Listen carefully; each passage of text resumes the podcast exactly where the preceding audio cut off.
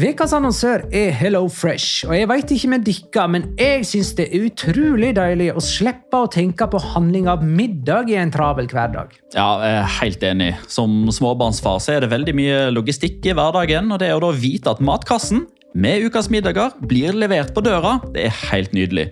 Da slipper du impulskjøp på butikken når blodsukkeret er lavt, og når du kommer hjem, kan du bare ta ut posen med dagens ingredienser fra kjøleskapet og sette i gang matlaginga. Ja, Du kan velge mellom 25 ulike retter hver uke. Og de har faktisk en egen kategori som heter Raskt og enkelt, med masse enkle og gode oppskrifter. Veldig greit å ikke måtte ty til takeaway hver gang det er hektisk på jobb. Jeg gleder meg spesielt til sterk chilikylling i min neste kasse. Jeg blir sulten bare av å tenke på det. Ja, Det er ikke feil med bacon og cheeseburger heller, da. Og det som også er bra, er at matkassen koster det samme hver uke, som gjør det enklere å holde matbudsjettet. Ja, og så blir det ikke matsvinn heller, fordi du får akkurat det du trenger til hver eneste rett. Hello Fresh kan absolutt anbefales, og bruker du koden vår, LIGALOCA, kan du få opptil 1779 kroner i rabatt på de fem første matkastene hvis du ikke har prøvd Hello Fresh tidligere. Du kan også prøve koden hvis du har avslutta abonnementet ditt for tolv måneder siden eller mer. Gå inn på hellofresh.no og bruk koden LIGALOCA. Bon appétit! Hallo? Jeg kommer fra Oslo politikammer.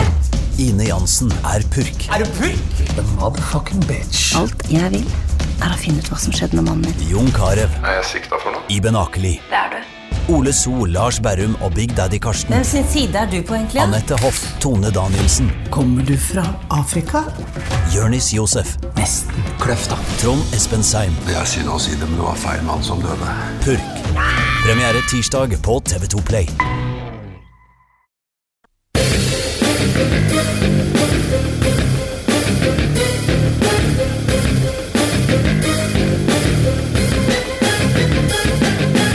Har du sett? For ett år siden var Granada nummer fire i Segunda etter å ha tapt for Deportivo la Coruña.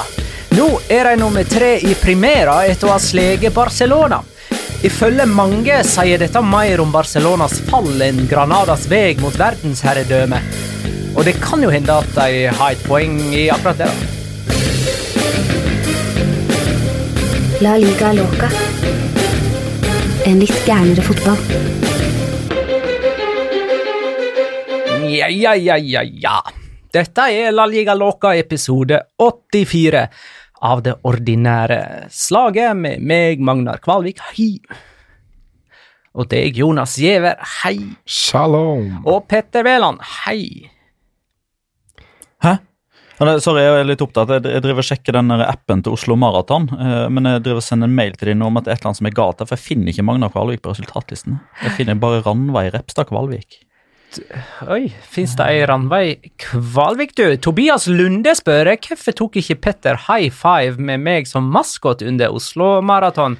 Og da har han lagt ved et bilde av seg sjøl, vil jeg anta, utkledd som banan, ved sida av en vei i Oslos omegn. Vet du hva, Hvis han hadde hatt på seg det gorillautstyret som hang rett bak, så hadde han fått en high five.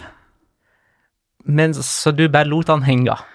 Nei. Har du blitt eh, cocky etter alle disse maratonene dine? Jeg kan år? ikke erindre at det var en high five som hang der. eh, i det hele tatt. Men det kan jo hende at han forventa at alle vi slitne deltakere skulle orke å eh, oppfordre til eh, high five. Men ok, da tar vi det neste år. Jeg lover. Ja, det må du gjøre. Håkon Nordengen eh, spør hvilket treningsregime du hadde inn mot halvmaraton. Han trenger gulloppskrift. Havna 1 minutt og 42 minutt Nei, 1,42 bak. Eh, 1,42 minutt bak, står det. 1 minutt og 42 sekunder, tipper jeg da. Ja, det, det det, det var ikke så verst. Er Nei, det tipper jeg blir eh, relativt uinteressant for den jevne lytter. Så ta kontakt privat, så skal du få uh... Det er mye tredemøllespringing på Petter. Dette vet jeg. korrekt. Med La Liga-kamp på iPaden. Hvordan går det med føttene, da, Jonas? Har du fått um, forbedra standard etter personlig trener og den slags hjelp? Mm, nei, det måtte jeg utsette, så det skal jeg gjøre i morgen tidlig. Men uh, det er ikke føttene mine det, som gjør vondt, det er jo hamstringen min som gjør vondt. Oh, ja. Og Ja, ja, ja. den skal jeg få titta litt på i morgen. Du, eh, du skogen, har altså tre måneder igjen av året eh, på å gjennomføre den maratonen du skylder oss som taper av tippekonkurransen. Jeg hadde det helt fint i skogen. Ok, takk. Skjedde det ingenting gøy til Heimeren, altså? Eh, nei, Nei. nei. er. Statshemmeligheter der, vet jeg. Kan ikke snakke om det. jeg kan ikke snakke om det. Kan ikke snakke om det. Eh, runden som gikk, som var av type fem, som i nummer eh, Ja, Det var ikke terningkast. Starta Nei, det var ikke det. Eller jeg hadde bygd disse opp. Ja, søndagen var. Kan ikke du- Ja, var bra. Nå, nå må vi begynne. Du skulle kjøre det neste gang. Jeg har sagt eh, runde type seks. Altså en seksrunde. Det hadde Dessverre så er det en midtukerunde. oh. Osasona Rehabetis 0-0. Da var jeg nettopp kommet hjem fra heimevernsøvelse, og jeg sovna under den kampen der. Det gjorde jeg. Det var den fjerde uavgjorten på fem seriekamper for Osasona, som er ett av tre lag som enda ikke har tapt. De møter Rea Madrid, et annet lag som ikke har tapt, på Santiago Bernabeu på onsdag. Dette er jo en midtvekerunde. Eh, Og da, i den apropos, eh, Real Betis, som bare har én seier, møter Levante hjemme tirsdag, og de tapte altså 3-0 for dem i tilsvarende oppgjør i fjor, bare sånn at det er nevnt. Viareal Valladolid var tidlig kampen på eh, lørdag. Den endte 2-0 til Viareal. Andre seier på rad for Viareal. Det er første gang dette tiåret at de vinner to strake primærakamper. Litt poesi i at det fra eh, 13.00 til 21.02 ikke ble skåra mer enn to mål i løpet av La Liga. De to målene ble skåra av Villarreal. Ja. De to målene ble skåra mens jeg løp. Ja. Eh, de har vunnet flere kamper på rad enn to i løpet av dette tiåret i Primera. Ja, det er fullt Selv om disse- de har spilt sekunder noen ganger ja, men, innimellom ja, der. ja, men jeg, jeg biter ikke på de greiene dine lenger. Ingen skåring Jeremy Og de møter altså Barcelona på kamp nå tirsdag. Eh, mange har allerede hørt denne episoden når den kampen er spilt. Ja. Nei, eh, nei, la oss si eh, mange har sett den kampen før de hører denne episoden. var det jeg skulle til å si. Ontiveros kom inn, skaffa straffe som Casolla skåra på, og skåra sjøl 2-0-målet. Moro. Moro. Levante Eibar 0-0. Ikke moro. Eibar er ett av to lag, sammen med Leganes, da, som fremdeles står uten seier etter fem runder. Atletico Madrid, Celta Vigo 0-0 der òg. Hjelper meg. Andre seriekamp på rad uten seier for Atletico. Den tredje kampen på rad i eh, offisielle turneringer uten seier for Atletico. Etter 2-2 mot Juventus på onsdag til helga møter de Real Madrid hjemme. Det er El Derbi Madrileño kommende helg. Skal sies her, da, til uh, Celtas honnør. Ruben Blanco var fantastisk god i den kampen her. Det var noen elleville redninger, spesielt på den headingen til Felipe. Ja, den var fin. Mm. Kåke sitt skudd, eh, husker jeg, var og, eh, Det var òg en bra redning. Granada Barcelona avslutta lørdagskvelden 2-0 til Granada. Det vil si at Barcelona åpna La Liga-sesongen med tre bortekamper på rad uten seier, blant annet mot opprykkslaget Osasona og Granada. I samtlige tre bortekamper har Valverde gjort bytte i pausen. Han virker med andre ord å være helt i villrede med startoppstillingene sine. Mer om det seinere. Getafe Mallorca 4-2. Nå er vi kommet til søndag, der det endelig begynt å bli litt eh, mål. Eh, Getafe hadde ei god uke med sine to første seire for sesongen. Først 1-0 mot Trapsonspor i uh, Europaligaen på torsdag, og så denne ligaseieren. Angel skåra i begge. Um, jeg må bare nevne én seier til for Getafe, og så er Bordalas den mestvinnende treneren med Getafe i premiera gjennom historien. Det, det vil være sammen med Luis Garcia, så to ganger, to seire til, og han vil bare alene på den. Den er sterk.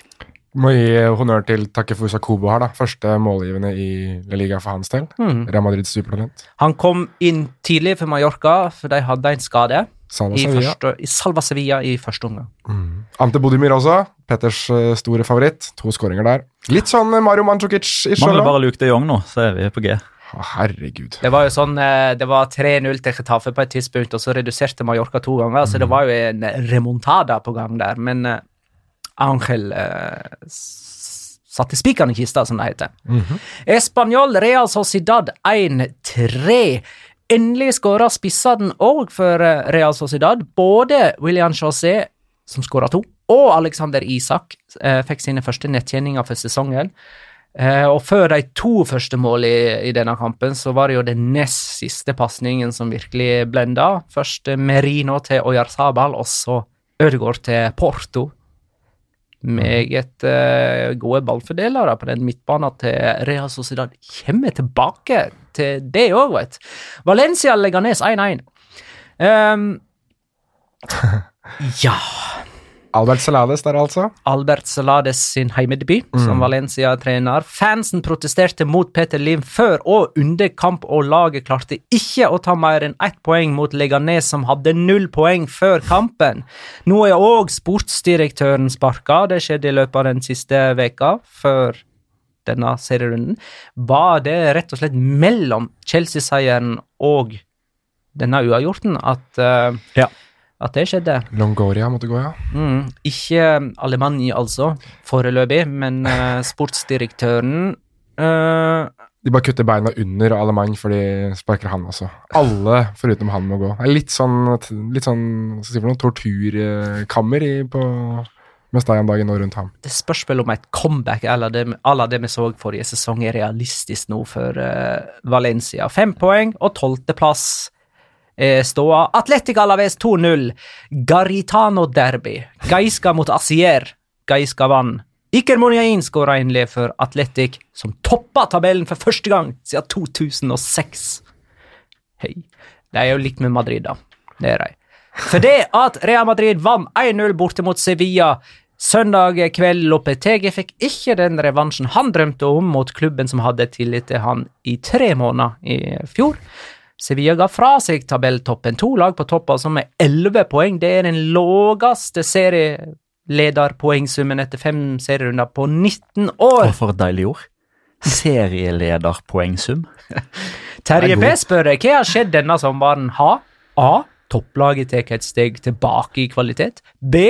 Laget rett under tar et steg opp. Eller C. Begge overfornevnte punkt. Jeg syns det er en fin blanding, jeg. B Eh, der, I hvert fall A. Jo, men eh, altså Jo, begge deler. i hvert fall A. Ja, altså, Helt enig. Men jeg, jeg, jeg har jo òg et håp om at det er B. At lagene bak har Jo, nei, eh, svaret er C, ja. Ja. Svaret er C. Sånn blir det. Mm. Kan vi ikke si Vil at du det ringe er, en venn, Magnar? 50-50, kanskje? er litt, litt tidlig å konkludere, da, syns jeg, etter fem kamper. Altså, Man ser jo konturene av både altså av, av alternativ C her, at de beste har blitt dårligere og de litt dårligere har blitt bedre. Men etter fem kamper så syns jeg ikke tabellen egentlig forteller noen sånn kjempehistorie ennå. Nå skal vi inn på, på Real Madrid kanskje litt eh, senere, men jeg synes det er litt gøy å se eh, altså formtabellen deres. Fordi de får mye tyn, og med rette, men de har jo ikke tapt ennå.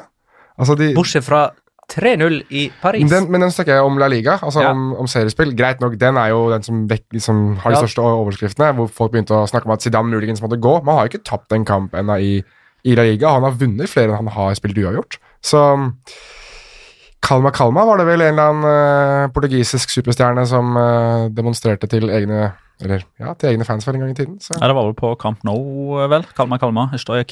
Ja, som jeg tror var til egne supportere. At de ikke trengte å stresse. Eh, ja, ja, jeg husker det litt annerledes. Som om det er en beskjed til Barcelona-publikum. Men la oss begynne med Barcelona. eh, Som altså tapte mot eh, Granada. Valverde er under hardt press, og nå er det blitt sånn hos eh, Barcelona-fansen at de nesten håper at det ikke blir en sånn herre at det ikke kommer umiddelbare resultat som kamuflerer problem. Eh, For sånn har det gjerne vært før. Magnus Oi skriver Kan Villarreal redde Barcelona på sikt ved å spille sin livskamp på kamp nå i morgen, tirsdag? Eh, det er jo da Villarreal er Barcelonas neste motstander. Det som er litt typisk for Barcelona, er at de vinner sånn 5-6-1. Det er nettopp det. Mm. Fordi på Um, hjemmebane så er det jo fortsatt fullt Det er fire pallesylindere, og der eh, Altså, jeg, jeg føler at noe av problemet til Barcelona er at motstanderne ikke lenger går til kampene på sine respektive hjemmebaner med frykt, sånn som man ofte gjorde for inntil. Eh, og så er jeg litt usikker på akkurat når det skifta, men noe er helt åpenbart om at før den kampen her, Granada-Barcelona, så hadde Granada et reelt håp om å gjøre som Osasona.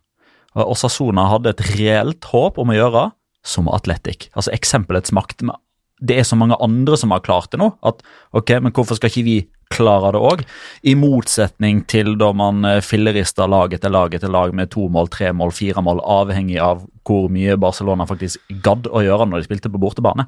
Og for å kalle det for, for Granadaso, da, lite grann. Det er jo, du kan jo ikke akkurat si at dette her var så veldig forventa. Altså det, jeg vi, vi, har, vi, snakket jo om det i, i previewen og også i, i den egne Granada-episoden, at de hadde vært imponerende i sesongoppkjøringen, og at uh, det var vel det eneste laget, eller ett av to lag som ikke hadde tapt i sesongoppkjøringen mm, sin. Så åpenbart så, så, hadde de kommet inn med en god flow, men, men jeg tror du treffer spikeren litt på hodet her med det at uh, eksempelets makt er ganske viktig i fotball, og vi så det veldig mye med Real Madrid, og vi begynner å se det enda mer nå også med, med Barcelona. og selv om det er på Nuevo Los Carmenes, så er det det er fortsatt ganske hva skal jeg si, Det er faretruende for Valverde og for Barcelona at det allerede begynner å skorte tidlig i sesongen. fordi Mot slutten av sesongen så kan det på en måte være 5-4 mot Levante, f.eks. Det er sånn ja, ja, ja. Man hadde vunnet ligaen, og det er greit å anse det på den måten. Eller når du spilte 0-0 Var det 0-0 borte mot Wesca i fjor, med 3-5-2 og alle ja, ja, ti mann på ja, ja, Alle reservelagsspillerne fikk spille, og det som var. Altså Sånne ting som det regner jeg ikke med, men det, det her er de resultatene som virkelig er skumle for Barcelona sin del. AS lista jo opp tre kritiske øyeblikk for, eh, for, Valverde så lenge han har vært i Barcelona, der spørsmålet rundt hans stillinger kom opp. Det ene var tapet mot Roma, som sendte dem ut av kvartfinalen i Champions League for to sesonger siden. Og så tapet for Liverpool, som sendte dem ut av semifinalen i Champions League forrige sesong. Også nå Granada, som er jo i et kjempeselskap her, da. Eh, men eh, bortsett fra den forskjellen at de to førstnevnte der er Champions League-tilfellet, eh, så har jo den forskjellen òg at nå kommer spørsmålet allerede etter fem serierunder, der eh, Valverde ikke har noe annet å vise til i inneværende sesong, altså da han fikk trøbbel mot Roma og Liverpool, så leder han jo soleklart i La Liga og kunne si sånn Ja, men hei, vi vinner jo La Liga, og vi er fortsatt med i, i Copa del Rey. Men bare la meg få stille et spørsmål nå, da.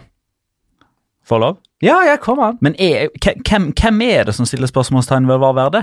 er jo alle oss andre, det er jo ikke Barcelona sjøl. Jeg har ikke sett noen rapporter om at eh, annet enn spørsmål fra media, eller masse på sosiale medier. Jeg har ikke sett, no, jeg har ikke sett en nyhetsartikkel, ingenting, om at Valverde faktisk sitter utrygt, eller at kampen mot Villarreal blir en skjebnekamp, eller noe som helst. Nemlig. Eh, og da kan vi ta spørsmålet til Peer. Eh, hva tror dere må skje for at Valverde skal få sparken?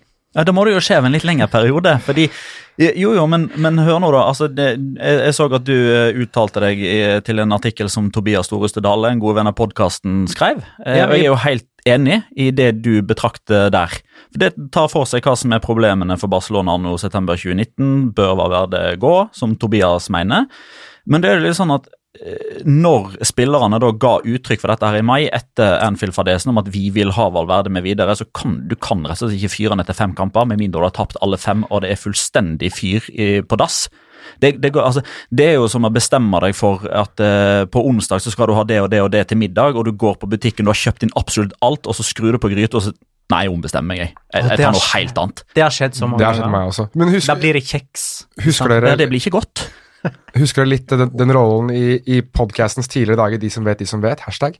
Uh, husker, oh, hvilken, la den ligge!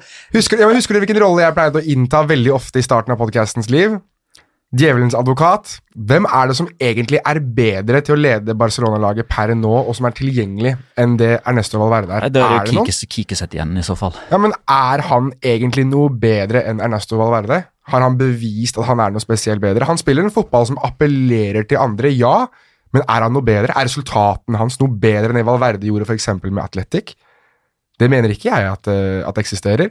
Og så snakker de om at ja, men ta så ring Erik Tenhag da i Ajax midt, nei, den er jo ikke, sesong. Nei, nei, det går jo ikke an. Midt i, Der er jeg helt enig. Det ikke sant? An, ja. det, så, hvem, så, hvem, er det man skal ja, men, ringe, ja, da? Men, jo, men det, det, er jeg helt enig i. Der kan jeg stå ved siden av deg når du er djevelens advokat. For det er litt det samme som, som de som snakker om at Ona Jemeri sitter farlig, og Ole Gunnar Solskjær sitter farlig. og så de tar ikke med betraktningen. ok, Men hvem skal ta over, da? Du kan ikke bare fjerne en manager og så seile det skipet videre uten at noen tar over. Det eneste som er tilgjengelig, muligens, er liksom Max Allegri, da. Men vil noen ha Max Allegri til Barcelona? Ja, men Jeg tenker jo at Kiki Setien kan være, uh, være et ok alternativ, men det fordrer at man med en gang man har tatt den telefonen og eventuelt fått en aksept, så ringer man med en gang til Mark Overmars og sier at neste sommer vi vil ha Erik Den Haag. Vi lager avtalen nå, koster hva det koster vil, og så lar Kiki Setien det blir en, en, en, en, overgang da, fra det Valverde står for, Ja. over til det Setien står for, som ligner veldig mye på det Barcelona appellerer til, som du Ja. sier, og så kommer Erik Den Hagen. Fordi det, det jeg tenker er jo øhm, rett og slett det at hvis vi skal ha en Hvis, hvis Kike Setien går med på det i én sesong, så får det være en greie, men hvis de skal ansette ham på lengre kontrakt, så mener jeg skal han inn i en garderobe, da sitter Messi, Busquets, Rakitic, Suárez alle disse superstjernene som har vært med å vinne trofé på trofé på trofé. Så kommer han som ikke har gjort noen Du ting vet at annet. Kiki Setien har trent Kevin Prince Boateng og fått han til å se ut som en million før? Det er faktisk et veldig veldig, veldig godt poeng, Petter. Men det er det eneste jeg har. Men det er også det eneste poenget du mest sannsynlig har. Men den, den eneste jeg har sett som har vært nevnt som har åpnet opp om han er interessert, er Chavi. Og Chavi Ja, greit, han har vunnet hva da, den qatarske superligaen eller noe sånt som spillende trener, eller hva det er. Greit, det. Men altså, det er ingen som er tilgjengelig, synes i hvert fall jeg, som har vist at de klarer å håndtere Barcelona på samme måte som Valverde har gjort. Og da skjønner jeg ikke poenget med å sparke ham. Guardiola hadde vel ikke så mye erfaring, han heller, da han plutselig tok over i 2008, uansett. Men det hadde ikke Chiro Ferrara da han tok over Juventus heller. Nemlig, så eh, den Xavi Xavi kan være et godt alternativ eh, midt oppi ståa, men eh, Eller ræva et. Barcelona har ikke sparka en trener i sesong siden 2003. Det var Mm, Louis Louis van Gaal. Eh, Så de har rett og slett ikke tradisjoner før det. Men det. hadde ikke Atletic gjort eh, siden 2001, var det vel òg? Ja. Da de sparka Berizzo og Ikke satte sant? Garitano for snart et år siden. Så det, men det sitter langt inne. Ett skudd på mål hadde vel Barcelona i denne kampen mot Granada etter 88 minutter eller der omkring. Det var Messi. Du tar ikke med den til Suárez på overtid av første omgang? Det var ei ordentlig lompe, så jeg skjønner ja, hvis du ikke tar det den med. Stemmer det. Det var jo Ja, det var, det var ikke um, Jo, nei, det teller vel egentlig, det. Så to skudd på mål, da, kanskje. Eh, Midtbanen ble jo valsa over i første omgang. Og jeg skulle til å si at Jangel Herrera og Jangel Herrera på midten og Antonio Puertas ute på ene sida. Fytterakkeren for noen Dynamo-spillere de er. Men jeg føler at midtbanen har blitt valsa over i alle førsteomganger de har spilt eh, så lenge de ikke har vært på kamp nå. Uh, Atletic, Osasona, Dortmund Ja. uh, Nå så jeg jo ikke jeg den kampen, da, men han har lest rapporter. Jeg synes En ting som er litt gøy her, bare for å ha skutt inn det veldig fort at uh, Hvis du ser midtbanen som starter den kampen, så er det Rakitic, de Jong og, Roberto, og Sergio Roberto. Det er ingen av de som er noe sånn du tenker at er noen sånn kjempegode boks-til-boks-spillere eller som er veldig kjappe. Men de gjør jo et grep, da. Og bytter inn på han som vanligvis skal være jordfreseren deres, Barcelona. Arturo Vidal. Og så går det to minutter, og så har han klart å gi bort straffe. Og da har han vel òg lagt om til 4-2-4 og tømt den midtbanen. Ja. Det er Murphys law da, for Barcelona sin del. Det er jo det. Ja. Alt som kunne gå galt, gikk galt i kampen her. Har vi, har vi litt mer tid, eller skal vi jeg- For det, Vi blir veldig negative til Barcelona nå, naturligvis. Eh, sånn er det jo bare. Vi forventer at de skal vinne hele tida. Men det er jo noen formildende omstendigheter her, da. Messi, Suárez, Dembélé, Omtiti, Alba, Neto, Junior Firpo har alle vært skada i løpet av den perioden her nå. Eh, og Messi tilbake igjen fra start, i form. Eh, altså, han er jo kapabel til å få det mest daudslitne og nitriste Barcelona-laget til plutselig å bli kjempegode igjen. Så vi, vi må ha det litt grann i bakhodet òg, selv om det selvfølgelig er mest negativt å ta tak i. Men får Valverde sparken i eh, sesong? Petter? Nei, jeg tror ikke det. Jonas? Nei, jeg tror ikke det. Det tror ikke jeg heller. Får han sparken etter sesongen? Petter? Ja, det tror jeg. Jonas? Jeg tror han gir seg etter sesongen. Ok. Eh, jeg eh, tror heller ikke han trener Barcelona neste sesong, da, Nei. for å si det sånn. Adrian Auke spør fins det en fellesnevner i måten Granada, Atletico og Sasona klarte å ta poeng mot Barcelona? Stå høyt, Det er en. Enorm intensitet, da. Mm. Og Granada, høy. Eh, hvor mange poeng har de? Ti? Mm. De er oppe i den klynga. De er én av de seks øverste lagene innenfor ett poeng. Det er ett poeng mellom topp seks, og der er Granada. Eh, Petter snakka om at de tørre eh, ikke bare å stå høyt, men de tørre jo å, å på en måte Det føles nesten som de svir av alt de har av krutt i første omgang. eh, for å få ja, ta ledelsen, som de tar tidlig, eh, og så tvinger Barcelona til å måtte jage. Mm. Kan jeg bare stille et spørsmål til begge to som sitter her nå? For Jeg kom på når vi snakket om trenere som kunne ta over Barcelona osv. Granada kan jo være aktuell, en aktuell destinasjon for denne typen nå. Hva har egentlig skjedd med Pablo Machin? Har han bare ramlet av planeten? Jeg har ikke hørt noen ting etter at han uh, fikk sparken. han er, vel, eh, han er vel arbeidsledig og sitter og venter på et uh, tilbud, gjør han ikke? Må, må ramle helt av. For han Ja, hører man han, han fant ut at fra. Jori var flat, og gikk til ende. Ja. Og datt utfor. Sånn Ok, skjedde. da vet vi det. Han, han, han sitter jo og venter på at andre enn Marcelino skal få fyken. For han, er jo ikke en, han har jo ikke Jorge Mendes som agent, så der var han jo aldri aktuell. Nei, så han tar over til David Gallego, han da, i Spanjol. Roberto Soldado, tommel opp til han. Første seieren hans mot eh, Barcelona i sin karriere. Er ikke det Der måtte han vente lenge, ass! Ja. Fytte rakkeren. Han har venta lenge, han! Men det er folk å trekke fram på dette Granada-laget, da, eller? Antonio. Ja, du nevnte jo Antonio Puertas, Ja. eh, og han han har jo en fantastisk historie òg. Altså, han har skåra for Granada i La Liga, i Segunda, i Copa del Rey, i Segunda B, i Tercera og regional for A-lag eller B-lag. Altså, name en divisjon. Han har skåra i den. Det er ganske kult, faktisk. Det er uh... Så er det Janril Herrera, da, som, jeg, som er min darling. Det har han vært nå i et par sesonger, som jeg synes Altså Han er robust og hard og vond å spille mot, men samtidig så har han det at han, han er veldig veldig rolig med ballen i beina og gjør de enkle tingene. Trenger ikke å være veldig spektakulær. Man er en hardhaus som du vet at etter de første 15-20, så vet du at du vil ikke i den kanalen han spiller på, den siden av banen han er, der vil du ikke oppholde deg hvis du spiller på motstanderlaget. Veldig autoritær midtbanespiller som jeg uh, synes er helt fantastisk.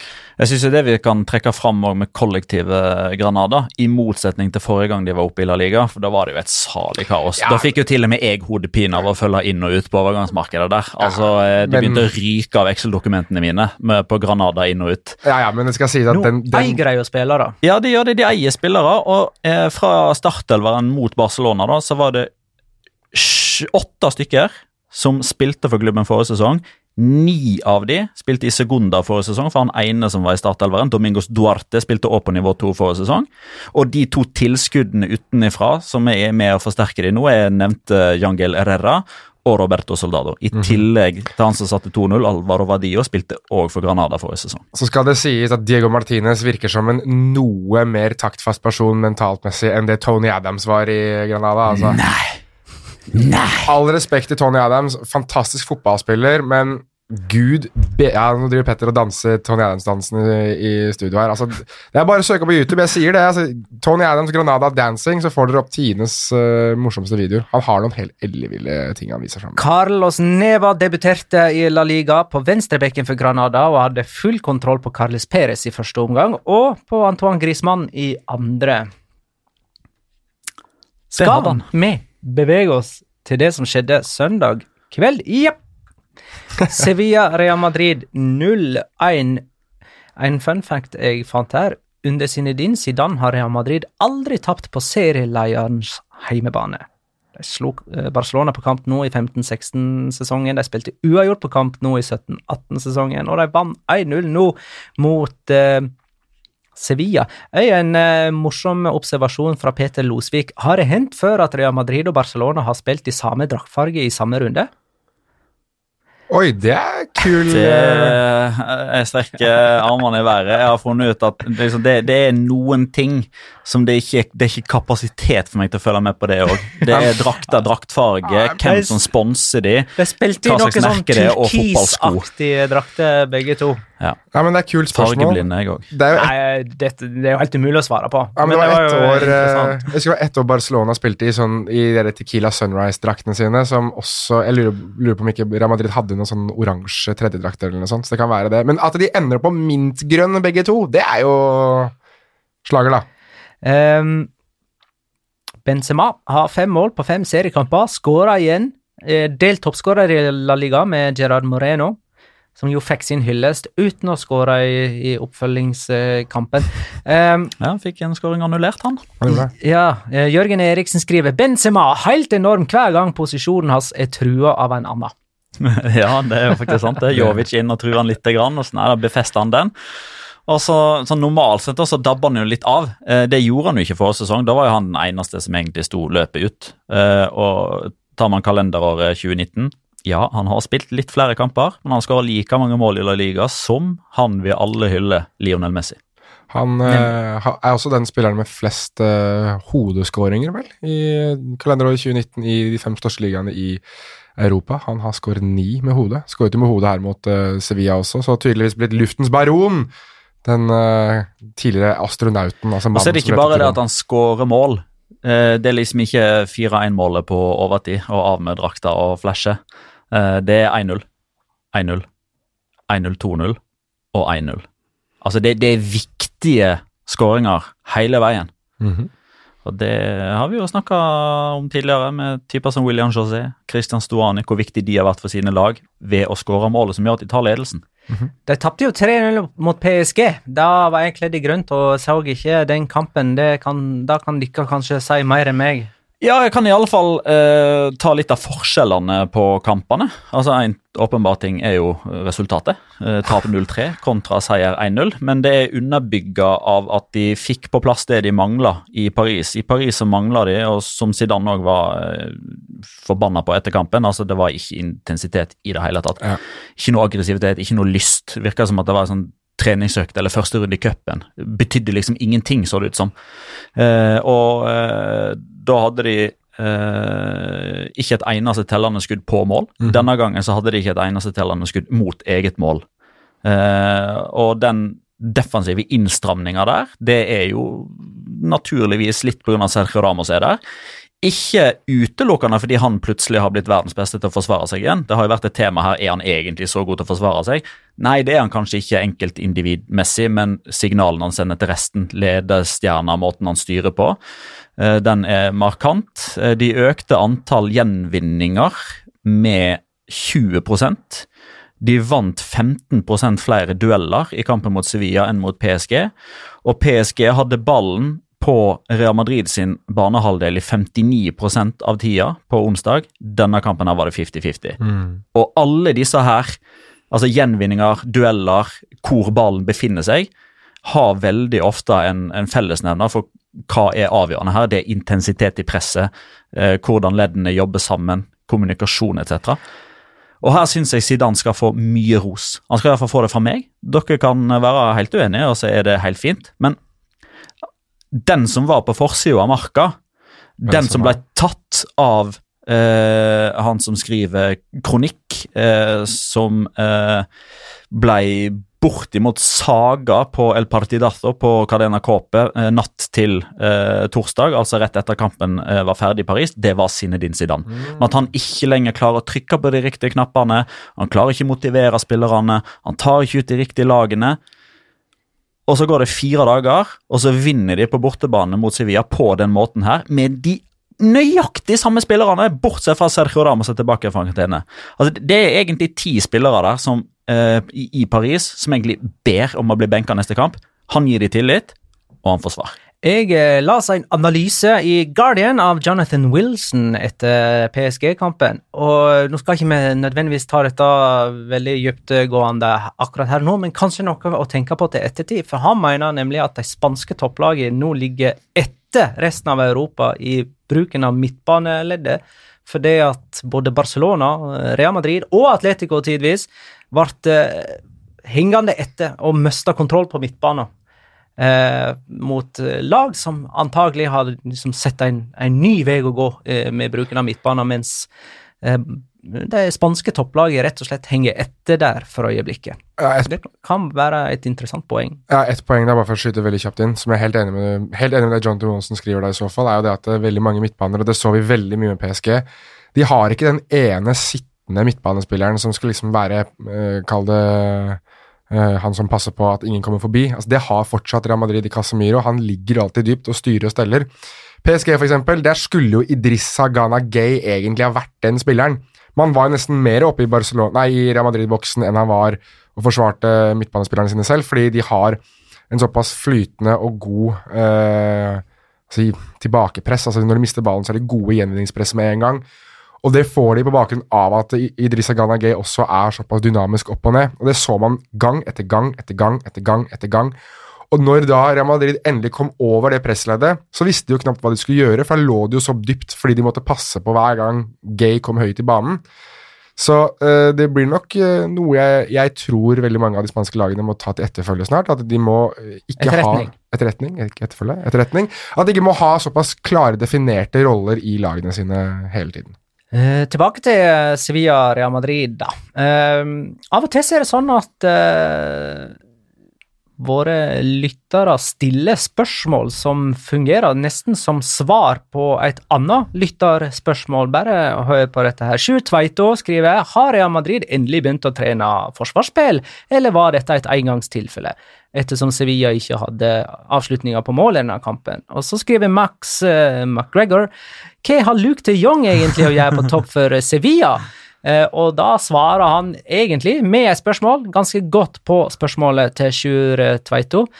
Um, Jan André Mraz Hagen skriver Han heter ikke Mraz lenger på Twitter, men bryr vi oss? Nei. nei. De som vet, de vet. Eh, den den frasen der kan du beholde for deg sjøl på Den Twitter. kommer jeg til å bruke Nei, hele det er ikke noe kult. Ekskluderende.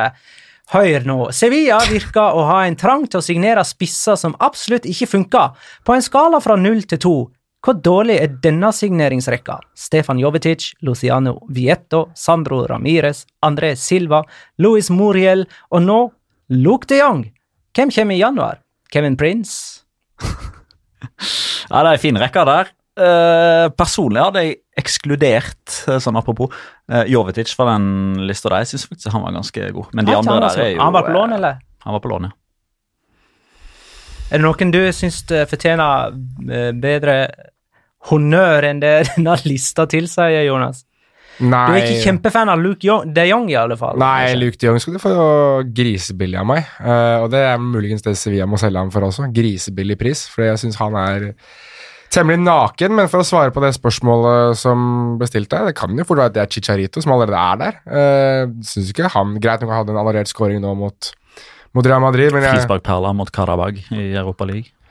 ja, der har du Carabag Karabag slo vel ut med Atletico Madrid i fjor i Champions League, så Ja, Nei, i forfjor. ja, I forfjor. Ja, ja de De var med på å ødelegge for. Atletico Madrid, i hvert fall. Det er sant, Eh, stemmer. så 0-0 gruppespillet. s- Men det kan jo være at Chicharito er den vi skal fram til. Men jeg har lyst til å ta Luke de Jong i forsvar. Eh, for det at de innleggene som kom inn i feltet, det var, det var helt ræva servert fra begge sider. Og den ene gangen det kom et godt innlegg fra Ocampos, da hadde Luke de Jong vært ute på sida og, assist- og bidratt til veggspill for å frispille Ocampos. Så det var ingen mm, Sevilla-spillere inne framfor mål. En stoppet klokka rett to ganger i døgnet. Ja, jeg veit ikke helt hvordan den passer inn. Blind høne finner også korn. Eh, fortsatt så ser jeg ikke Det gjør det ikke noe mer. Kommer noe engelsk nå, Jonas. Nei, jeg får jo alltid, får alltid kjeft for å bruke det engelske, så nå bruker jeg det norske. Ja. Altså, Dere skjønte, visste ikke hva fattigmann var sist uke, så det har vi fått Jeg skjønner uttrykket, men jeg vet ikke hvordan det passer inn akkurat her. At han er, altså, han er ikke noe spesielt mye bedre selv om han klarer å gjøre én ting riktig. Altså, jeg synes fortsatt at han er Det her er hadde det vært at han hadde hatt en kjempeavslutning, eller at han vendte bort to spillere og banka han i kryststolpen, så greit nok, men å være med på en frispilling ute på siden, det tror jeg faktisk vi tre også kunne ha klart. Poenget var at eh, det var den ene gangen han ikke var i feltet, da kom det et godt innlegg. Så svaret her er hold han langt utenfor boksen. Nei, legg inn, server han. Ja, nei, det kan godt være. Jeg syns han er helt elendig å se på. Vi beveger oss videre. Vi må ha inn i den nostalgiske timen før vi tar mer av eh, runden som var. Vi skal spille når da? Det er min tur til å presentere et historisk øyeblikk som dere skal sette et årstall til. Og nå skal vi ta en eh, episode som alle husker veldig, veldig godt fra ny tid. Vi skal til den perioden der El Clásico var på sitt aller mest oppheta. I et oppgjør på Camp Nou skåra Messi i det 88. minutt og sendte dermed Barcelona opp i en 3-0-ledelse. Dette var altså i en periode der ingen av disse to lagene, og spesielt ikke Real Madrid, håndterte noe særlig det å ligge under mot sin evige rival. Så, på overtid, lot Marcelo sin frustrasjon gå ut over Cesc Fabregas ved å meie ned rett framfor benkene. Da oppstår det selvfølgelig tumulter der absolutt alt og alle av spillere, trenere, oppmenn og leger involverte seg, og en skal ha et ganske godt øye for å se at dommer Fernandes Borbalan midt oppi alt ga rødt kort til både Marcelo, David Villa og Mesut Özil. En skal ha et enda bedre øye for å se hvor hen Mourinho hadde pekefingeren sin. Det øyet var det stakkars Tito Villanova som hadde. Måtte han hvile i fred. Mo eller Mourinho om du vil, sto først utafor tumultene og var ikke særlig involvert i bråket før han kaldt og rolig, kynisk som han er, gikk mot en intetanende Villanova og stakk fingeren beint i øynene på han. Dommer hadde heller ikke øyne for akkurat den incidenten, men et kamera klarte altså å fange det opp. Med bildebevis og stor internasjonal oppmerksomhet fikk Mourinho to usle kampers karantene, noe han til dags dato enda ikke har sona. Når da? Ja, fordi dette var jo superkåpa. Det er riktig. Han skal vel sone den uh, de kampene han kommer tar over etter at Zidane driter seg ut, regner jeg med. Så det blir jo gøy, det. Ja, Men da må jo Real Madrid ha vunnet en tittel, da. Og da får Ja, det- vel ikke Zidane fyken. Det er jo Det er s- superkåpa. Ja, de kan ikke sones i La Nei, Liga? Ok. det er det ikke. Da røk den vitsen. Um, Uh, spillere jeg hørte her, Fabregas var nevnt, Øsil var nevnt. altså Villanova var jo assistenten til Guardiola, så var det Ja. før han stakk. Guardiola Eh, stakk i 2012. Han var der i fire år. Kanskje vant i 13, så er det Bayern som vinner Champions League. Det er Jupp Heynckes som er trener da. Det var det 2013 han var, da? Så Fem år. 13-14-sesongen er første sesongen til Guardiola i eh, Bayern. Ja. Ja, for da var det Tata Martino. Eh, så det er før det. Ja. Eh, det kan jo være starten av Mesut Özil selges fra Werder Bremen til Real Madrid etter VM i 2010. Cesc Fabregas. Han kom tilbake i 20... Han kom rett etter at Barcelona vant Champions League i 2011. Husker han det? Jo, fordi han Det var jo da de vant VM, og Pepe Reina, Parande og Victor Valesel dro på ham en Barcelona-drakt under den feiringa på Plaza del Sol. Ja, men Fa Fabregas har aldri vunnet Champions League. Nei. Og Barcelona vant Champions League i 2011. Ja. Så det har ingenting med VM å gjøre. Nei, men jeg bare prøver å gi når han har forlatt Altså, når er det han ankommer Barcelona? Jeg prøver å snevre det inn Ja, ja, men det må jo være etter 2011, når de vant Champions League. Altså, han debuterte, redebuterte for Barcelona i 2011. Ja, ja. August 2011. Kan det her være hans debut, ja? Nei, det tror jeg ikke. Det må ha vært året etter.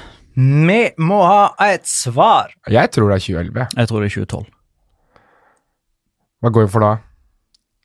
Nei, jeg må ha, jeg må ha revansj for den der helvete Santiana Jeg, jeg trumfer gjennom å si 2011. Skal vi la han trumfe gjennom og si 2011? Han har trumfa, han. Ja. Svaret er 2011, og det er helt Hey! korrekt. Bra, Jonas. Endelig, endelig tok jeg en, ass. Viktig. Det ble 3-2 i den kampen, eh, og 5-4 sammenlagt til Barcelona. Dette var jo et returoppgjør. Det var 2-2 på Santiago Bernabeu. Og husker dere Francesc Satorra, Ja, Der var han eh, observatøren, observatøren. som ligna litt på Borat? Ja.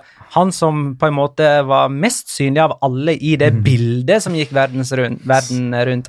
Han eh, var jo ansvarlig for kamplogistikken på Kamp nå, og ga seg nå i april. 41 år etter at han starta jobben. Tenk så kul jobb å ha, da. Som han har opplevd.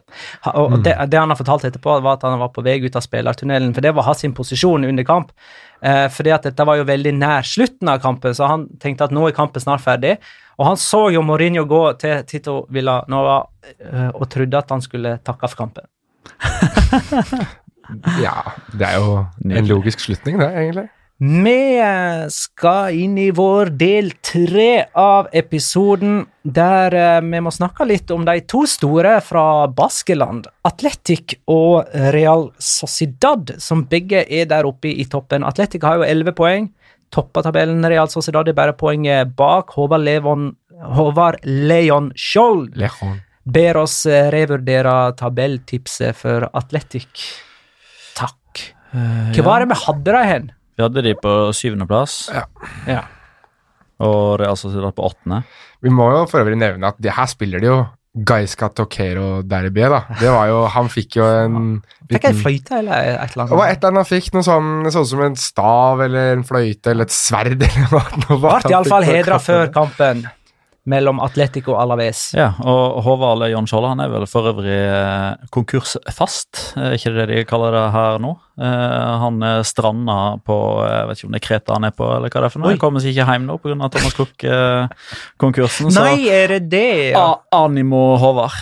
Å nei, så trist å være der av alle steder, ja. Ingen har sluppet inn så få, som eh, så få mål som Atletic. Bare ett. De har ikke hatt så få baklengs etter fem serierunder siden 1988. Og de har ikke gått ubeseira etter fem serierunder siden 1993. Og hvem var trener da?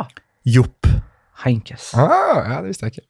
Men uh, det er nesten så jeg har lyst til å spørre har, har Inigo Martinez spilt noen av disse kampene her? Han har jo det. Han har spilt alle fem, har han ikke det? Nei, ikke den første. Det var Nei, han var ute i premieren. Ja. Eh, Det var han. Men uh, hør på dette, da. Eh, under Gaiska Garitano så har jeg jo nå spilt 29 seriekamper og tatt 53 poeng. Noe som jo ville ha Det ville på en måte ha plassert dem trygt innenfor topp fire etter 29 serierunder forrige sesong. Eh, og du nevnte jo uh, i den runde oppsummeringa at dette var Garitano-derby. Mm. Og forrige gang det var Garitano-derby, husker du hva som skjedde da? Eh, Tapte Atletic mot Real Sociedad. Nei, forrige gang det var Garitano-derby, så var Asia Garitano Leganes-trener. Gaiska Garitano var Deportivo-trener. Det endte, endte 4-0, og Gaiska fikk fyken. Ja, Så han fikk sin revansje sånn inn, innbyrdes der. akkurat. Nei, Det er imponerende. Det er, noe, det er noe solid der. Det er et eller annet, eh, det er en, eh, det er en mur som ikke er i ferd med å slå sprekker engang. Altså, det er så mye fundamenter nå som han har fått eh, jobba med over en ganske lang periode. Ingen spillere av betydning ut, ingen spillere av betydning inn. Altså, det er den samme gjengen som bare er litt mer rutinert, som er litt mer samspilt, som har litt mer kløkt. Uh, og, og jeg liker veldig mye av det. Altså, det er ikke sånn kjempeunderholdende. Det er ikke, det er ikke, det er ikke en fryd for øyet å se Atletic spille fotball hele tida. Det er det ikke, men de har liksom den Altså, de starter med Injaki Williams, og han uh, har det han har å by Ja. på, og så hiver de innpå Aditzadoris på slutten. Uh, Raúl Garcia har omsider begynt å spille litt fotball òg, samtidig som han sparker fotball, og Raúl Garcia er det bare å hylle. Uh, Jeray Alvarez og Inigo Martinez begynner å få et veldig solid samarbeid. Hvis de to holder seg skadefrie og kan fortsette å ha det samspillet, så er det liksom ingenting som umiddelbart tyder på at de plutselig skal begynne å slippe inn masse mål. Unai Simon har vært kjempebra i, i mål. Bekkene leverer. altså De er flinke til å veksle på hvem som går opp. Andre Kapa hadde målgiverne i de tre første kampene. Eh, Juri har ingen målgivende ennå, men han slår veldig ofte innlegg som ender med et form for ettertrykk. og Der er Atletic ekstremt gode. De får nesten aldri kontringer imot fordi motsatt back og de to sentrale midtbanespillerne, i tillegg til Raúl Garcia, som ofte er i en sånn fri rolle, de leser spillet så fint. De, er, de oppdager farene før de oppstår. Det er en, eh, en her som virkelig må nevnes, uh, synes jeg, og det er jo kanskje den, den spilleren vi har ventet på mest i Athletic i mange år nå. Altså Inyaki Williams har uh, vært fantastisk bra. Jeg vet at eh, Iker Monjain også er liksom, Man har ventet på han nå, men jeg, men jeg har latt det toget gå litt, og latt han være litt, litt seg selv. For han blir så mye skada, man vet liksom ikke heller om han har stagnert. Men Inyaki Williams tror jeg virkelig har fått, uh, fått motivasjon av det at uh, Aritzadoris skal legge opp, og nå må de ha en til å ta over. Altså Den der niårskontrakten hans den tror jeg han virkelig har tatt seriøst, og ikke har brukt som en sånn hvilepute. At han har lyst til å bli en bedre fotballspiller. og det er ikke ofte hvor jeg ser en fotballspiller være eh, så forskjell mellom sesonger, men jeg synes at denne sesongen her så ser det ut som det er en innbitt og vanvittig motivert eh, Inyaki Williams som spiller på topp for um, Athletic. Ja, det, det er ikke sånn at han skårer et hav av mål, men det har han egentlig aldri gjort heller. Men, men jeg synes nå mer enn noen gang at han jager ned alt som er. Han løper på alt, og han åpner såpass mye rom for typer som Iker Monjain og uh, Raúl Garcia. Så jeg tror at uh, fremtiden er veldig veldig lys for Atletic denne sesongen hvis de klarer å holde han skadefri, fordi han er også den som definerer det første pressleddet de har i det laget der, som ofte er også det som definerer hvorfor de gjør det så bra. Real Sociedad har ti poeng etter fem serierunder, og fire av disse rundene har de altså spilt eh, borte. Og husk, forrige sesong så var det et ganske bra bortelag. Det som uh, var problemet, var jo at de okay, De hadde vel to seire hjemme før nyttår. Så det er jo på en måte enkelt på papir å si bli litt bedre hjemme, så, så vil jo det bety mange plasser oppover på tabellen. De har hatt sin beste seriestart siden 02-03-sesongen. Hva skjedde da? Da uh, Pelea de hele veien inn. Pelea. Altså, de- ja. De slåss inn. Peleo. Ja, ja. Altså, det som skjedde da, var at de tapte tittelen i siste serierunde. Ja, de slåss hele veien inn. Ja. Det gjør de ikke denne sesongen.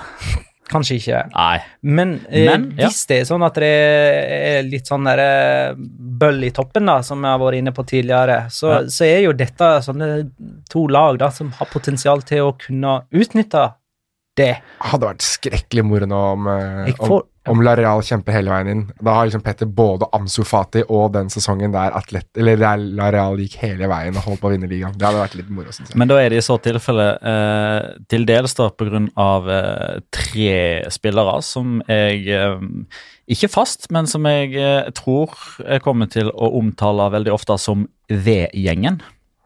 Ikke B-gjengen, men V-gjengen. Altså de tre med venstre bein. ja. på midtbanen der. Og Merino, Ødegård og Jalsabal. Altså de venstreføttene der. Det var kollektiv orgasme på samme sekund, det. Jo, men det er jo som du sier, da. Altså, de, altså, det er jo noen av de nydeligste hockeyassistene vi har sett. Ja. Trivellaen til Ødegaard er jo Og, og den, ja, ja, den er fin. Ricardo Quaresma blir jo våt av den. Men uh, altså, Merino sin hockeyassist til Oyarzabal, så er jo assisten til Oyarzabal Ja, ja. og meget strøken ja, den, til den kan José. liksom ikke slås bedre, den, fordi William José opprettholder tempoet og løper mot ballen. Samtidig som han lokker Diego Lopez litt Mm. grann ut, men ikke nok til at han rekker ballen. Eh, Alexander Isak og Martin Ødegaard er blant de fire yngste utenlandske spillerne som har skåra for eh, Real Sociedad gjennom historien. Oh. Mm. Griezmann er den aller yngste. Carlos Ducas, en franskmann fra 50-tallet, er den nest yngste. Og så er Isak den tredje yngste, og Ødegaard den fjerde yngste. Så altså franskmenn og skandinaver. God kombo, det. Og hvis man håper da på at disse to baskiske lagene skal eh, henge med så lenge som mulig, så er jo de kommende kampene positive i så måte, altså bare sånn med tanke på, å, på at de skal henge med i en topp fire-diskusjon da, inn over neste landskampperiode. Så har jo Real Sociedad de har jo nå Alaves hjemme, Mhm. så har de Sevilla borte, den er tøff, men så har de Retafe hjemme og Betis hjemme. Så hvis de får litt orden på de problemene som de hadde på hjemmebane forrige sesong, og de spinner videre på den entusiasmen fra 2-0-seieren, fullsatt uh, nye Anueta etc., så kan det være veldig kult. Og Atletic de har Leganes, tabelljumboen. De har Valencia, som er i oppløsning. De har Celta og Valladolid i de neste fire, før det blir Atletico Madrid eh, på, på bortebane, som er liksom neste store testen. André spør får vi se et baskisk lag i Champions League neste sesong. Det- Jonas, ja eller nei? Nei. Petter? Nei. Magnar. Nei, siden Mano tar opp dette temaet nå, så tenker jeg jeg må si ja. Eh, Så jeg gjør det. Ja, ja. Det er greit, det.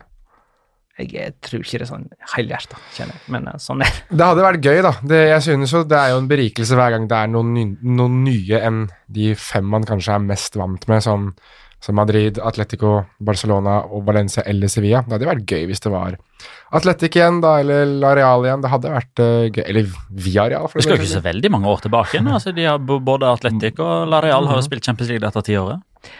Da tror jeg vi går til runden spiller. Er det du, Petter, Det er meg. som skal få kåre rundens spiller? Og Da vil du kanskje ha musikk? Eh, ja. Da prøver jeg å fikse ja, men eh, bare la meg forklare konseptet først. For nå har vi jo hatt noen sånne forskjellige varianter. Mhm. Dette er eventyrvarianten. Eh, og settingen her er at eh, man er i Spania. Dette er selvfølgelig oversatt til norsk for våre lyttere. Eh, og La Liga har nå kommet så langt i globaliseringa og markedsføringen at de har et hotellmuseum i skogene utenfor Madrid. Der det er tidligere X-spillere som er hyra inn som ansatte. Og tida i denne settinga her er september 2069. Anledningen er at man feirer et 50 års tilbakeblikk, altså på 2019. Og de sju ansatte nå Det er de sju eldste spillerne i La Liga 2019-2020. Det var en gang en nordmann som var ute og ferdes i Madrids skoger.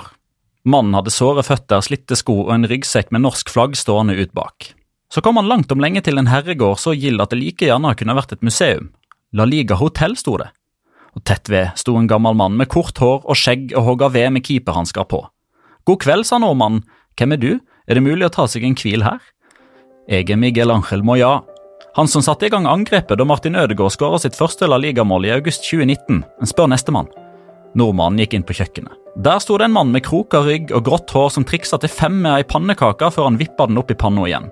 Hvem er du? Er det mulig å ta seg en hvil her, eller? Jeg er Salva Sevilla. Han med tidenes kuleste etternavn som Betis-spiller, og som sendte Mallorca til La Liga med ei frisparkperle i juni 2019. Men spør, spør nestemann. Så nordmannen gikk inn i stua. Der sto en gammel mann kledd i blått som hoppa og hedda vedkubber inn i peisen. Hvem er du, da? Er det mulig å ta seg en hvil her? Jeg er Jorge Molina. Jeg ble den eldste spilleren i Retafe-historien som skåra mål i La Liga mot Alaves i september 2019, men ta og spør nestemann, du. Nordmannen gjorde så, og i neste rom fant han en mann med rullator som dansa til DJ Tiesto med ei mojito i hånda. Hallo, hvem er du? Er det mulig å ta seg en hvil her? Jeg er Chisco, Chisco Campos, og jeg ble den eldste Mallorca-spilleren i en startelver i La Liga mot Retafe i september 2019, og da var jeg 37,5 år, men drit i det, spør nestemann. Ferden gikk videre, og nå var nordmannen kom til et av soverommene.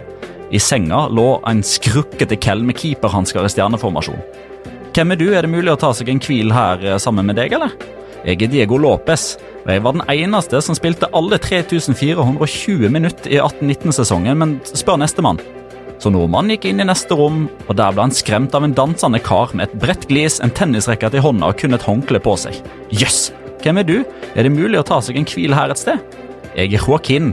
Jeg ble tidenes mestspillende i La Liga for Betis i september 2019 og runda Instagram lenge før det. Det er greit for meg, men hør med sjefen. Han sitter der inne og spiser sjokolade med is og jordbær og krem, og enda mer sjokolade og is og krem. Og jordbær. Så til slutt så var nordmannen i resepsjonen, og der sto det en mann med baskerlua, krykker og langrennsbriller. Hvem er så du, er det mulig å få seg en hvil her, eller? Jeg er Aritz Adoris. Jeg er den eneste 38-åringen i verden som har skåra på brasse mot Barcelona, og da ble jeg kåra til rundens spiller av Magnar Kvalvik i La Liga Loca, og resten av karrieren gikk til helvete med straffebom og strekk i leggen og prolaps og leamus, og nei, ta med deg det norske flagget og kom deg til helvete ut herfra! Rundens spiller er for øvrig de sju fedrene i La Liga-huset. Altså, hvordan kom jeg inn i dette eventyret? Du må slutte å jinxe. Nå har du gjort det med Gerard Moreno òg. Har det gått så ille med Adoris, da? Han får jo ikke spille, det er jo ikke min feil. Han bomma på straffe mot Mallorca etter at du jinxa. Stemmer det. Stemmer. Så dette her var egentlig en, et eventyr som til syvende og sist skulle være et skudd i retning Magna Kalvik? Det, det, var en skjult agenda her. Det ja, var okay. det. det, var det. Ja, bra. Ok, da er det tid for Locora! Ukens La Liga Locura. Locura. Locura. Locura. La Liga Locura. Eh, jeg har ikke helt styr på hvem av oss som pleier å begynne og slutte og sånne ting. Nei, Det pleier vel å være litt tips om han. Husk at jeg begynte sist, så. Ok, Jonas, vær så god.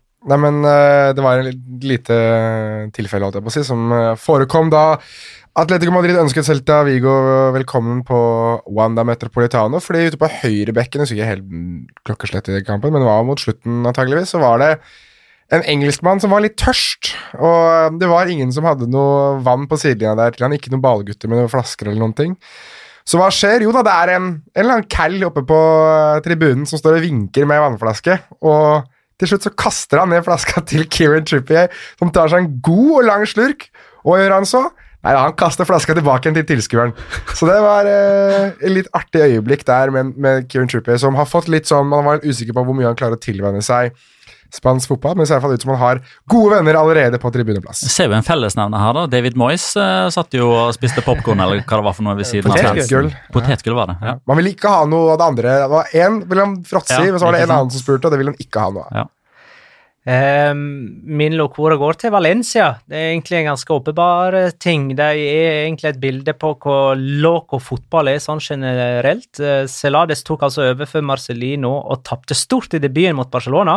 Så vant Valencia på Stamford Bridge i Champions League. Flaks eller ei, de vant, for så å bare spille 1-1 hjemme mot Leganes i påfølgende serierunde. Og det, det, Da kan en godt forstå at Valencia-fans ikke aner om de heier på et skikkelig godt eller et megaræva lag for tiden. Uh, og det virker for hver dag som går som et uh, merkeligere og merkeligere valg av Celades å ta den jobben, for han må ha skjønt at han vandra inn i en tornado i det øyeblikket han signerte kontrakten. Eh, underveis i kampen på søndag prøvde jo Rodrigo Moreno fra banen å dirigere Valencia-fansen til ikke å synge ut sin, sitt savn av Marcelino, og heller prøve å hylle eller backe Celades. Og på tribunen var folk som hadde anti-Peter Lim-banner vist ut av stadion. Et salig kaos som, eh, som eh, hvis svar eller ende ligger langt fram i tid, men det kan jo produsere gode resultat likevel, sånn når du minst venter det. Petter? Um, Retafe Mallorca. Uh, liksom Selve definisjonen på en dårlig kamp uh, for Mallorca sin del, sånn med unntak av at de faktisk skåra to mål, det er jo ok. Men når du spiller fotballkamp, hva vil du helst unngå? Du vil unngå å tape kampen. 2-4. Eh, altså, møter du et mye bedre lag med kjempegode spillere som hadde gode individuelle prestasjoner og skudd i krysset, og så kan man liksom svelle et tap. Eh, og så Underveis så vil man gjerne ha litt flyt. Er det flyt å skåre sjølmål? Eh. 0-1 etter sju minutter. Er det flyt å pådra seg straffespark? Eh. 0-2 fra straffemerket etter 33 minutter. Ok, så tapte man kampen da, hadde litt uflaks på veien. Neste mulighet er mot Atletico Madrid, og spillerne har det bra. Salva Sevilla og Baba Rahman, begge ut med skade etter 18 minutter. Begge ute mot Atletico Madrid på onsdag. Lykke til. Ja, Men det er hjemme, da? Det er hjemme. Du skal se Der kommer det igjen. Du skal se. Uh, når du minst venter det, så vinner Mallorca den kampen der. Men nå har jo jeg jinxa dem, så da blir det vel ikke. Tipping! Uh, Sevilla, Sevilla Real Madrid var vår forrige kamp. Petter hadde 2-2 med Ramos som første målskårer. Det er null poeng. Jonas hadde 2-1 med Chicharito som første målskårer. Det er null poeng. Du har fem. Sier det at du har seks, Petter? Du sa det nå. Ja. ja det kan Petter har seks, Jonas har fem. Magnar hadde 1-2 med Luke de Jong som første målskårer. Men jeg får iallfall ett poeng for å ha B-en riktig, så nå har jeg jo fem. Det er seks til Petter, det er fem på meg. Og Jonas, jeg forstår det sånn at vi har blitt enige om Atletico Madrid, Rea Madrid, ja. som neste kamp. 1-1 Benzema. 1-1 Benzema. Dette er altså på uh, Wanda Metropolitano. Det har vært en midtvekerunde i mellomtiden. Jeg sier 1-2 og Azard. 2-1 Joao Felix. 2-1 og Joao Felix. Nei, interessant tipping. Da har vi HUB. Sånn som sist. Ja. Ja, ja, ja, ja. Nei, men da har ikke jeg noe mer å tilføye, jeg. Vi har brukt uh, timen vår. Ja. Jeg takker alle som har sendt oss spørsmål og innspill. Jeg takker alle som liker oss på iTunes. Og så takker jeg alle lyttere for det at dere lytter. Nå mista jeg den der Takk til deg, kjære lytter. Ha det, da. Takk, uh, takk for at du lytta, kjære lytter. Ha det, da.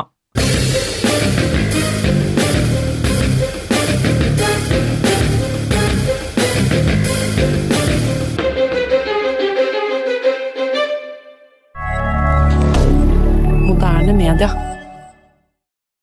Har du et enkeltpersonforetak eller en liten bedrift? Da er du sikkert lei av å høre meg snakke om hvor enkelt det er med kvitteringer og bilag i fiken, så vi gir oss her, vi. Fordi vi liker enkelt. Fiken superenkelt regnskap.